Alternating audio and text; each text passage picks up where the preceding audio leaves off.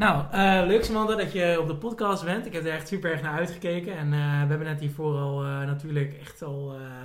ja, wat zal het zijn? ik denk dat ik hier al drie uur ben ongeveer. En het is echt gezelliger en gezelliger aan het worden. We zitten nu ook lekker met een glaasje, glaasje wijn, rode wijn voor ons. Um, Hey Samant, ik heb jou natuurlijk uitgenodigd voor de podcast omdat ik dacht, nou, je bent echt een te gekke gast om er ook bij te hebben. En ik wil gewoon graag, uh, graag wat meer over jouw achtergrondverhaal ook, uh, ook horen waar je bent begonnen. En uh, um, ja, ik heb je natuurlijk wel even net geïntroduceerd aan, aan de podcastluisteraars wie jij, wie jij in het kort bent. Um, maar kan jij jezelf nog even vertellen van hè, wat, wat jij doet en um, ja, waar je vooral bent begonnen en waar je nu staat? Ja, ja, zeker. Ja, superleuk om erbij te zijn. Ik vind het uh, gezellig al inderdaad, een paar uur lang. Um, ja, in mijn verhaal. Eens even kijken, waar ga ik beginnen met vertellen ervan? Uh, ik ben nu een business coach en daarnaast ook een sales expert. Ik ben nu ook consultant voor verschillende bedrijven als sales expert. En dat betekent dat ik word ingehuurd op het gebied van sales om mee te denken over strategie. Maar ook om contact te leggen met retailers. Met name in de foodbranche ben ik actief. Daarnaast kennen de meeste mensen mij als business coach. Waarbij ik onderneem Ondernemers, ja. Ondernemers, ja, maar niet uit hoor. Ondernemer, ondernemer vrouwencoach. en ik help ze echt op het gebied van hun mindset. Dus hoe kan je stappen zetten binnen je bedrijf? Kan je zo snel mogelijk groeien en resultaten behalen zoals jij het wil? Daar komt ook mijn expertise bij sales ook weer aan bod. Want ik weet gewoon heel goed hoe jij in een gesprek je klant kan overtuigen om met jou samen te gaan werken. Ja, en uh, als we dan gaan kijken naar, zeg maar, uh, want... Um, ik heb een klein beetje uh, jouw verhaal natuurlijk ook gelezen. En um, jij hebt een hele erge achtergrond in sales. Ja. Um, uh, kan je wat vertellen over zeg maar, je, ja, wat, wat daarin, um, nou ja, wat, je, wat je hiervoor hebt gedaan. Want je bent natuurlijk, je zegt ook van, hé, ik, ben, ik ben een lange tijd in loondienst en nu zit ik niet meer in loondienst en nu heb ik inmiddels uh, mijn eigen onderneming hierin. Um, want hoe heb jij vooral die periode ervaren voordat je het ondernemerschap in bent gegaan? En ja, eigenlijk nu ben je lekker zelfstandig. Um, maar ja, hoe heb je deze expertise zo opgedaan in de zin van, nou ja, veel over sales geleerd, et cetera. Dus uh, ja, kan je daar wat, uh, wat meer over vertellen? Ja, zeker. Ja, ik heb een diploma in marketingcommunicatie. Ik ben daar ook eigenlijk in afgestudeerd. En vanuit die baan heb ik altijd, eh, vanuit, sorry, vanuit de studie heb ik altijd een bijbaan gehad. Uh, met verschillende jobs als um, salesconsulent voor een groot gedeelte. Maar ik deed promoties, ik deed uh, in-store verkoop, ik deed ook telefonische acquisitie. Dus echt koud bellen naar bedrijven om ze binnen te halen. Ja. Uh, dus ik heb eigenlijk alle facetten van sales heb ik uitgeprobeerd en ik bleek daar heel goed in te zijn vond het ene leuker om te doen dan het andere. Mm -hmm. ja, ja, ja snap ik, snap ik. Want um, ja, acquisitie, dat is iets uh, waar heel veel uitdaging in ligt. Je leert daar wel echt in hoe je iemand gelijk kan prikkelen en kan raken. Maar je moet ervan houden om zo te jagen.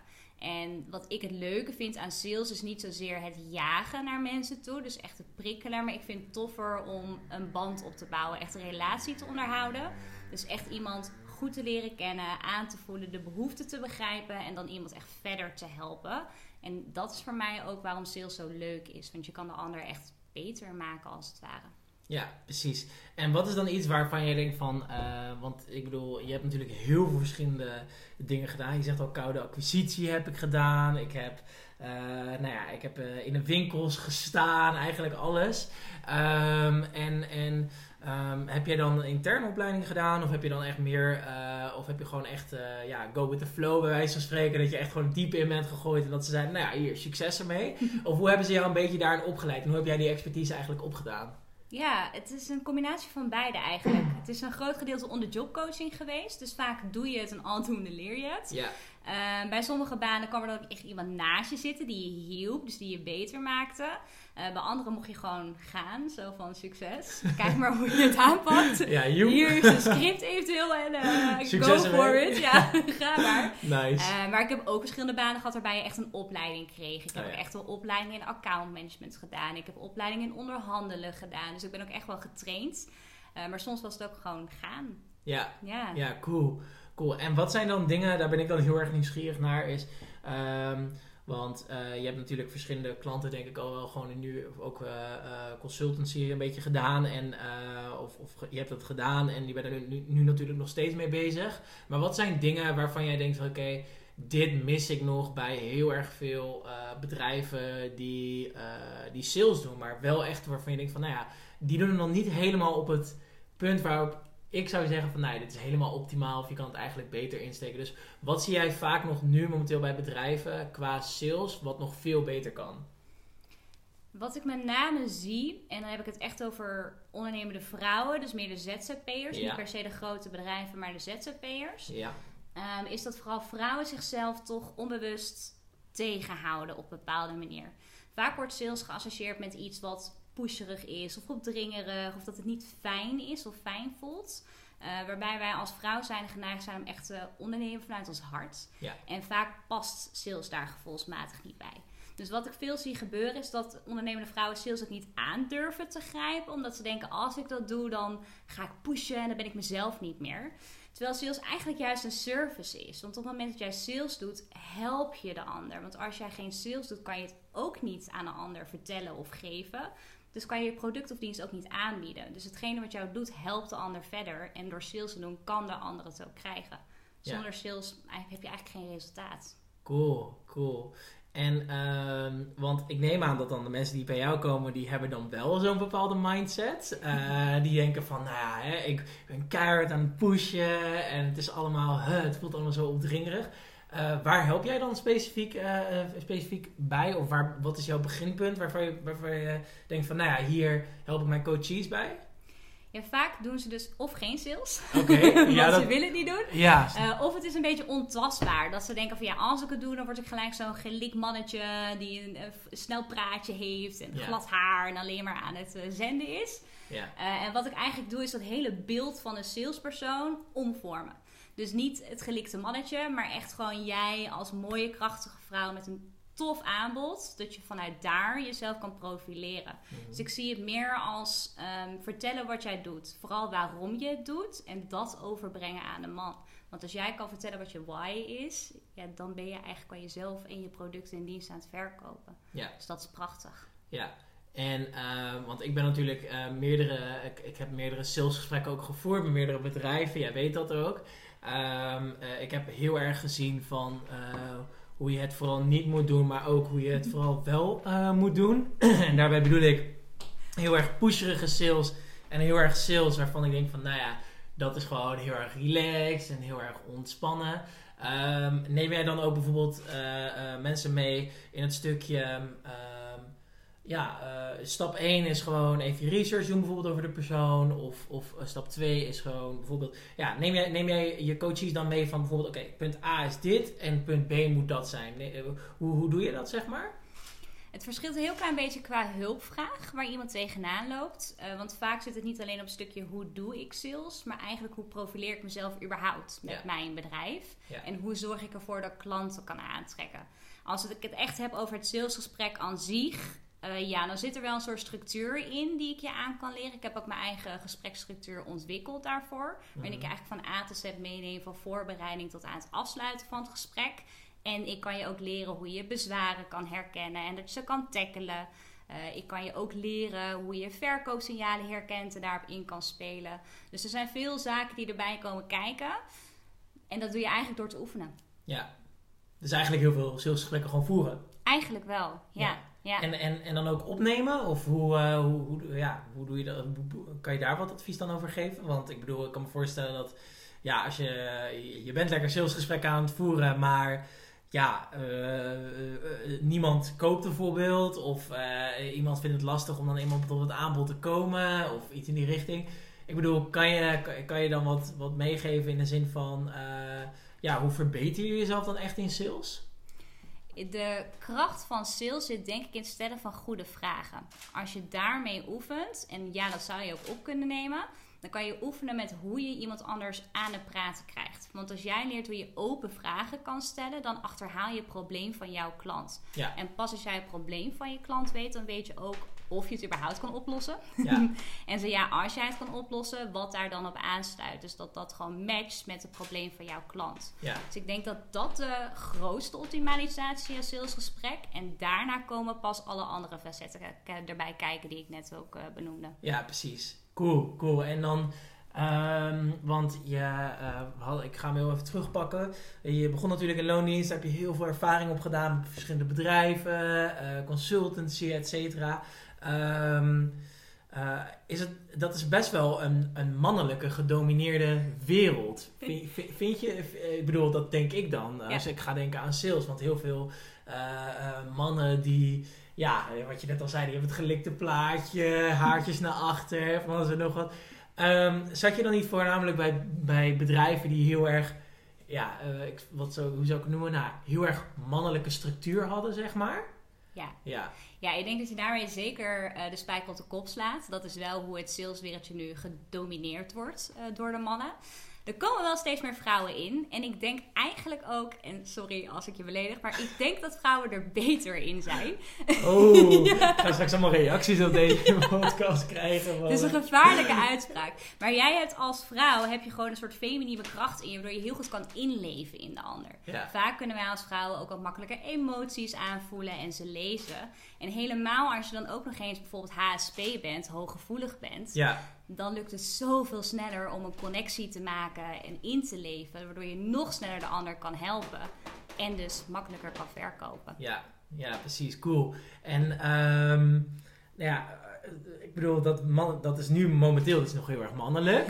uh, maar zie jij, want je zei net, hè, de, de, vrouwen zijn er een stuk beter in. Zie jij wel dat er nu langzamerhand steeds meer een shift aan het komen is daarin? Ja. maar dat veel meer vrouwen nu denken van Oh, wacht, even sales. Oh, dat is ook super belangrijk. Of in dat die bedrijven nu heel erg meer, wat meer vrouwen aan het aannemen zijn dan mannen. Uh, merk je dat daar wel een beetje een verandering in zit? Ja, ja zeker. Ik kom uit de FMCG-branche. Dat is de Fast Moving Consumer Goods branche eten en drinken. Even in de volksmond. je hebt Janneke taal. Ja, je hebt Janneke taal. ja. ja. precies. En um, ja, de laatste jaren gingen er steeds meer vrouwen in aan de slag als accountmanager. En het was ook te merken dat veel bedrijven ook zochten op vrouwelijke accountmanagers. Puur voor de balans enerzijds. Maar ook omdat ze inzagen dat vrouwen toch een bepaald iets kunnen losmaken. Uh, waar toch veel bedrijven geïnteresseerd in zijn. ja. Ja, precies. En ehm, dan vraag ik me wel heel erg af van, oké, er komen steeds meer vrouwen in dat soort bedrijven dan. Um, Merk je dan, hè, die vrouwen die worden gewoon intern in dat bedrijf gewoon opgeleid? Of ehm, eh, heb jij bijvoorbeeld vanuit school of aan, bijvoorbeeld wat je zegt marketing communicatie hebt gestudeerd, uh, heb je daar dan ook een stukje sales mee ingekregen? Of denk je van, hè, ik heb een meeste ervaringen opgedaan door op de werkvloer te zijn, door daar aanwezig te zijn, meer Ehm, ja, meer mensen uh, gewoon te spreken, om meer mijn sales skills op te bouwen. Hoe, hoe, hoe, ja, hoe heb jij dat meegemaakt? Ja, sales is echt wel een skill die je moet oefenen. Um, dus er is er geen opleiding voor te verkrijgen. Het is echt iets wat je on the job leert. En eigenlijk aldoende leert men, dat gaat er heel erg voor op. En als je hem ook uh, plappen kijkt, zie ik sales dan ook echt als een, een, marathon als het ware. Je moet ervoor trainen om er beter in te worden. Het is geen sprint die je eenmalig rent. Je moet toch elke keer jezelf gaan verbeteren om op een bepaald niveau te komen waarop je sales kan doen. Nou klinkt het misschien iets heel zwaars, maar hoe meer je het doet en hoe vaker je het doet, hoe meer je gaat aanvoelen wat voor jou werkt en wat voor jou niet werkt. En mhm. waarmee je ook je resultaten behaalt. Ja, en merk je dat je nu bijvoorbeeld als je salesgesprekken aan het voeren bent... Uh is het dan voor jou nog een, soms nog eh, wel lastig? Want ik bedoel, ik kan me voorstellen dat jij bijvoorbeeld best wel wat salesgesprekken hebt gevoerd in je leven. Uh, merk je dat dat dan alsnog voor jou, ondanks dat je zoveel expertise en zoveel ervaring hebt opgebouwd, dat je denkt van, nou ja, soms voelt het voor mij nog ook wel redelijk zwaar, zeg maar? Of, of valt het wel heel erg mee voor jou? Ik denk dat je het voor jezelf altijd lichter kan maken door je niet te focussen op zozeer het eindresultaat. Dus in plaats van de focus leggen op ik wil nu verkopen, ik moet zeg maar een ja krijgen. Dat je veel meer de focus gaat leggen op goh, ik wil de ander graag helpen in zijn behoeften. En als jij je gesprek niet zozeer als salesgesprek uh, tussen haakjes uh, voelt, maar veel meer gaat voelen als een nou ja, matchgesprek, kennismakingsgesprek, waarin je de ander echt gaat helpen en leert begrijpen, dat haalt de lading eraf dan ga je veel meer inzoomen op de ander. En vanuit het inzoomen ga je dan bepalen van... hé, hey, misschien heb ik wel wat voor je, maar misschien ook niet. Misschien moet ik je naar iemand anders sturen... of kan ik je ergens anders mee blij maken. Ja. En als je daar de focus op legt... dan is het altijd een geslaagd gesprek. Want hoe dan ook help je de ander. Ja, ja precies. Dus die, die lading waar jij het over hebt... dan heb je het echt over een stukje minder druk op jezelf zetten. Want die druk die zorgt uiteindelijk voor dat je in het gesprek misschien voor je, zowel, ja, voor je, zowel voor jezelf hm. als voor de ander heel erg overkomt als iemand die echt iets heel graag wilt verkopen. Ja. En, en oké, ja. Ja, en um, ja, dan heb ik nog wel iets waarvan ik denk van, nou ja, dit is ook wel denk ik waar heel veel mensen tegenaan lopen. Um, en dat is namelijk dat um, wat, wat doe je voorgaand zo'n gesprek? Want ehm, ik bijvoorbeeld in mijn vorige bedrijf uh, was helemaal aan het kijken naar, oké, wie is de persoon? Wat voor persoon is dat? Is een beetje sociaal? Onderzoek doen. Um, en, en gaandeweg een beetje meer uh, ja, achter die persoon komen natuurlijk. En ook voordat het gesprek plaatsvindt, uh, vond, gewoon meer over die persoon leren kennen. Maar hoe bereid je zo'n gesprek nou eigenlijk voor? Ja, goede vraag. Ik denk dat dat heel erg afhankelijk is van waar het gesprek op gestuurd wordt. Dus ik denk dat het per gesprek ook afhankelijk moet zijn hoe ver jij je voorbereidt. Um, kijk, voor onderhandelingen bereid ik me heel stevig voor. Dan is het heel goed om te weten van, goh, wat is het maximale resultaat dat ik wil behalen? Wat is het minimale? En wat zijn de elementen die ik kan uitwisselen om er tussenuit te komen? Is het puur een, een salesgesprek waarin je aan één iemand verkoopt, zeg maar, zodat je product of dienst wil verkopen? Dan denk ik dat voorbereiding eigenlijk minimaal kan zijn. Zolang je in je gesprek maar alle vragen stelt aan de ander om alles uh, te onderzoeken en te ontdekken. Het enige wat je dan wel uh, het beste kan doen is een klein stukje voorbereiding om het ijs te breken, zoals ik dat noem. Dus als jij een gesprek start met een ander, dat een soort common ground vindt waar je het over kan hebben. Dus dat je niet zegt, oh lekker weer vandaag hè. Ja, ja. maar dat je iets specifieker iets kan aangeven van, hé hey, ik zag jouw Insta-post over onderwerp X of Y. Super tof, daar wil ik het met je over hebben. Want dan kan je het gesprek al wat smoother beginnen en dan, ja, dan, dan loopt het gewoon lekkerder. Ja, precies. En um, ik, ik vind het ook wel heel erg. Ik vind het super mooi antwoord wat je geeft. Want gewoon. Uh, um, nou ja, dus jij zegt eigenlijk in, in, in concreet, zeg je eigenlijk: oké, hè, dus, uh, doe een klein beetje onderzoek uh, naar die persoon zijnde, maar niet extreem, extreem veel tot in de details. Dat is eigenlijk waar het op neerkomt. Of ja, corrigeer me als ik het, als ik het nog beter moet begrijpen hoor. Dus, nee, nee, je zegt het heel goed. Want als je te veel gaat inlezen op de persoon, ga je ook al dingen voor de ander invullen. Ja. En dat is het gevaar. Oh ja. Want dan ga je het op je eigen aannames en je eigen waarheid baseren. Terwijl je eigenlijk de ander de vragen wil stellen en zelf uh, uh, wil laten vertellen wat er aan de hand is. Ja. Want het onderzoek wat je aan de voorkant kan doen is altijd de oppervlakte. Daarachter schuilt vaak pas het probleem. Ja, ja precies. Super mooi. En ik, ik sprak uh, Isabella Veteres. Zij is ook, um, nou ja, zij is dan van, van de wat hardere manier van sales. Daar heb ik het ook met jou natuurlijk over gehad.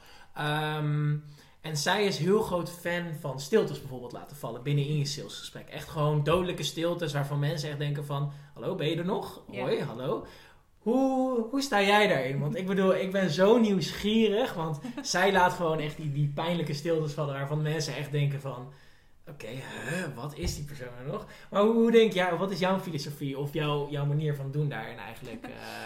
Uh, ik denk dat de kracht van stilte heel goed is, uh, mits je aanvoelt wanneer je hem inzet. Ik denk niet dat je zomaar random een stilte kan laten vallen in een gesprek. Maar ik denk wel dat als jij een vraag stelt en je merkt dat de ander nog nadenkt, dat je dan wat meer tijd geeft. Want soms hoor je dat een ander nog niet weet wat hij moet zeggen. En dan ben je geneigd om nog een vraag te stellen, bijvoorbeeld. Of om het antwoord zelf te gaan invullen. Dat je al een soort van optie geeft wat voor antwoord zou kunnen zijn, dan kan je hem zeker laten vallen. Want dan merkt de ander van, oeh, ik, ik moet nu blijkbaar echt gaan inspringen, want het gesprek slaat dood. Uh, dus ja, het kan heel goed voor je werken, mits je weet wanneer je hem inzet. Want het moet wel op een fijn moment zijn. Ook dat is weer oefening. Ja, dus bijvoorbeeld als je een vraag hebt gesteld, van, uh, dat je zegt van, uh, hey, hey Samantha uh, ik heb het gevoel alsof je de afgelopen, laten we even een voorbeeld nemen. Ik heb het gevoel alsof je de afgelopen periode uh, niet zo lekker in je vel zit. En dan laat je de stilte vallen, bij wijze van spreken. Ja. Uh, dat eigenlijk die persoon wat langer over na kan denken en die zegt: Ja, nou ja, ik voel me wel wat minder lekker bijvoorbeeld in mijn vel. Dat je op dat punt, nadat je echt een vraag hebt, bijvoorbeeld hebt gesteld, dat je denkt: van, Oké, ik laat even die stilte vallen om die persoon even later te laten denken. En dan uh, hoor ik vanzelf wel uh, wat eigenlijk het antwoord is. Maar wat nou als die persoon helemaal niet meer reageert? Wat doe je dan? Hoe, hoe pak je dan opnieuw het gesprek op? Dat je denkt van oké, misschien is deze persoon de vraag aan het vermijden. Wat, wat zou je in dat geval dan adviseren? Want ik bedoel, ik heb ook zelf veel gesprekken gehad waarin ik hele lastige vragen aan mensen stelde. En mensen gewoon eigenlijk een beetje de vragen eigenlijk uh, eromheen aan het praten waren, laat ik het zo stellen. ja, het is een hele goede wat je zegt. Uh, meestal reageren mensen natuurlijk wel, maar inderdaad, ze kunnen het antwoord vermijden. Ja, wat kan je dan het beste doen? Uh, wat ik zelf probeer is de vraag anders te stellen of om soort verdiepingsvragen te stellen. Ja. Uh, dus als iemand het antwoord vermijdt, Ja, dan, dan probeer ik het soort van samen te vatten, waarin ik toch aangeef van wat zou het kunnen zijn. Dus stel ik zou nu zeggen van, uh, ja, ik ben een paar maanden bezig geweest. Op de vraag die jij stelde van, hey, je hebt een paar maanden lekker in je vel gezeten. Dan zou ik daarna kunnen antwoorden met, goh, klopt het dat jij eigenlijk zegt dat je een paar maanden jezelf aan het zoeken was? Vraagteken. Zodat je een beetje door kan pakken op het antwoord wat er is. Dus als je telkens een soort van bevestigingsvraag stelt van begrijp ik het goed dat of klopt het als puntje puntje puntje dan kan je voor jezelf de bevestiging krijgen of je de andere groep begrijpt mhm. en dan kan je daarna nog verder de diepte in juist juist wauw oké super super tof antwoord ik vind het wel, uh, wel echt heel erg uh, heel erg interessant want ik bedoel ik denk dat het voor elke. Uh, ik ga straks dieper in, op in op het stukje. Het verschil tussen marketing en sales. Want hm. daar hebben wij natuurlijk ook beide. Wij zitten op één lijn wat dat betreft. um, maar ik vind het heel erg interessant. Want ik bedoel, ik merk dat heel veel ondernemers zijn heel erg goed in hun vak. Maar als het dan eenmaal neerkomt op de echt het sales stukje. Dan inderdaad, wat je aan het begin van het gesprek al zei. Dan is er heel veel lading. Dan staat er echt oh shit, ik moet mijn product verkopen. Ik ben heel erg goed in mijn werk, maar ik, ja, ik moet nu aan klanten komen, zeg maar. Ehm, wat zijn nou echt die concrete tips waarvan je denkt van oké, ehm, dat kan zijn bijvoorbeeld een paar boeken lezen, of dat kan zijn uh, met een bepaalde coach aan de slag gaan, of een bepaalde cursus volgen. Maar wat zijn nou echt een paar tips waarvan je denkt van oké, uh, als je aan de slag gaat met sales, dan zou ik je dit aanraden. Um, misschien twee of drie of vier of vijf tips waarvan je denkt van nou ja, doe, voor de, voor de luisteraar dan, hè, van uh, ja, doe dit. Even kijken of ik zo vijf tips uit mijn mouw kan Ja, ja, dit is een hele concrete, lastige een hele vraag. Concrete vraag. Ja, denk ja. daar zo. nou ja, dit is eigenlijk wel een vraag die ik natuurlijk heel veel krijg.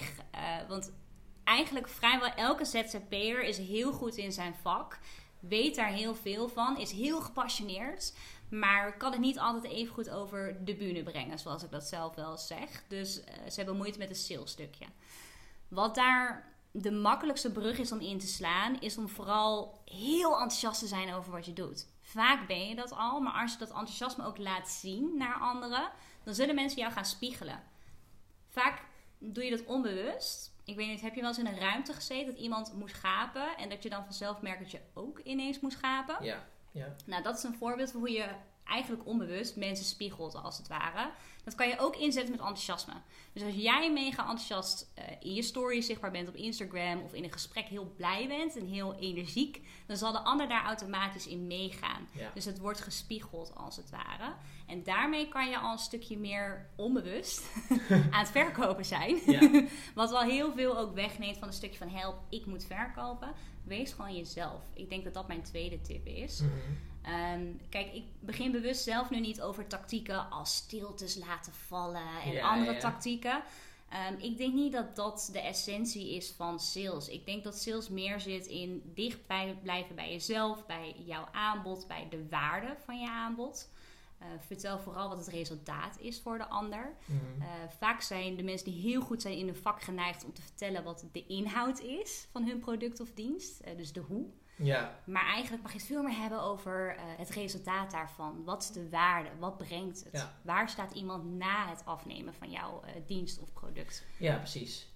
Ja. ja, dus hoe voelt diegene zich? Wat is het eindresultaat? Dat is echt hetgene waar je op mag focussen.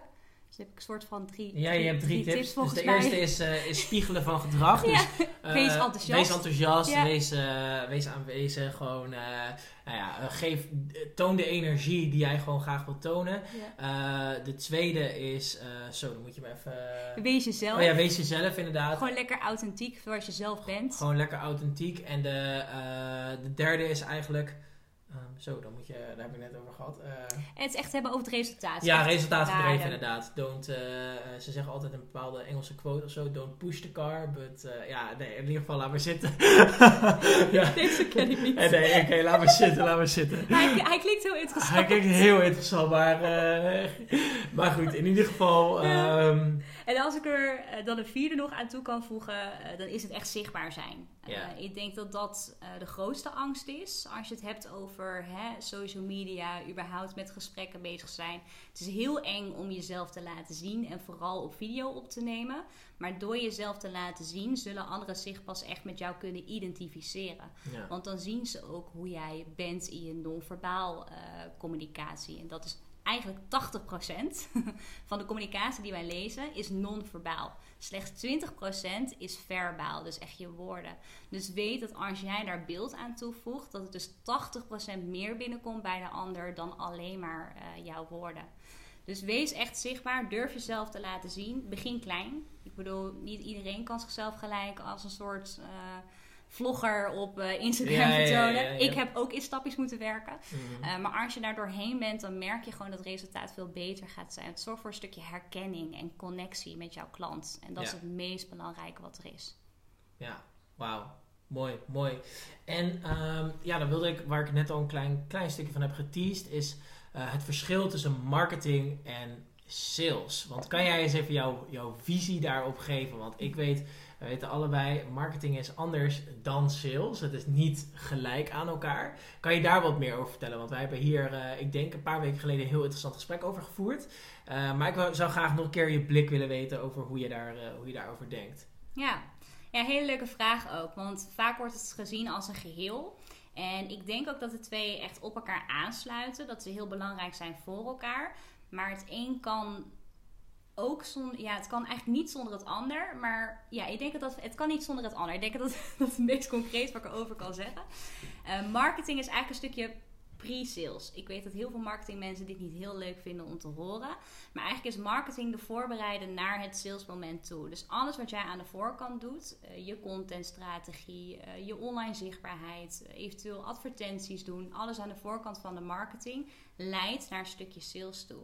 En als jij sales niet doet, dan haal je alsnog jouw klanten niet binnen. Mhm. Want je moet nog steeds iemand over de drempel heen krijgen.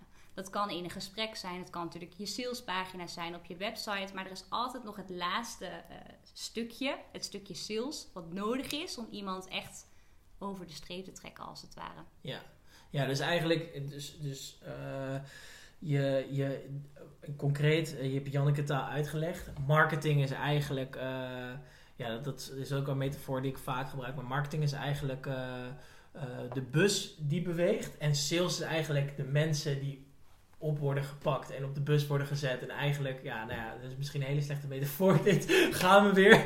Met slechte metaforen met een aflevering 2. Maar, maar in ieder geval, marketing is eigenlijk het voorwerk voordat uh, iemand klant bij jou wordt eigenlijk.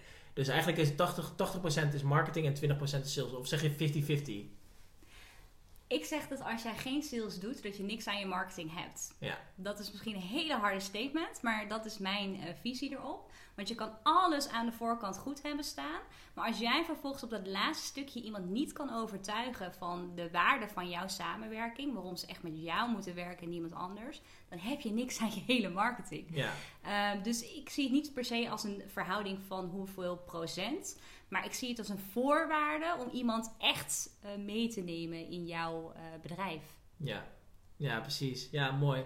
En um, uh, als, jij, als jij zelf zou zeggen van hè, um,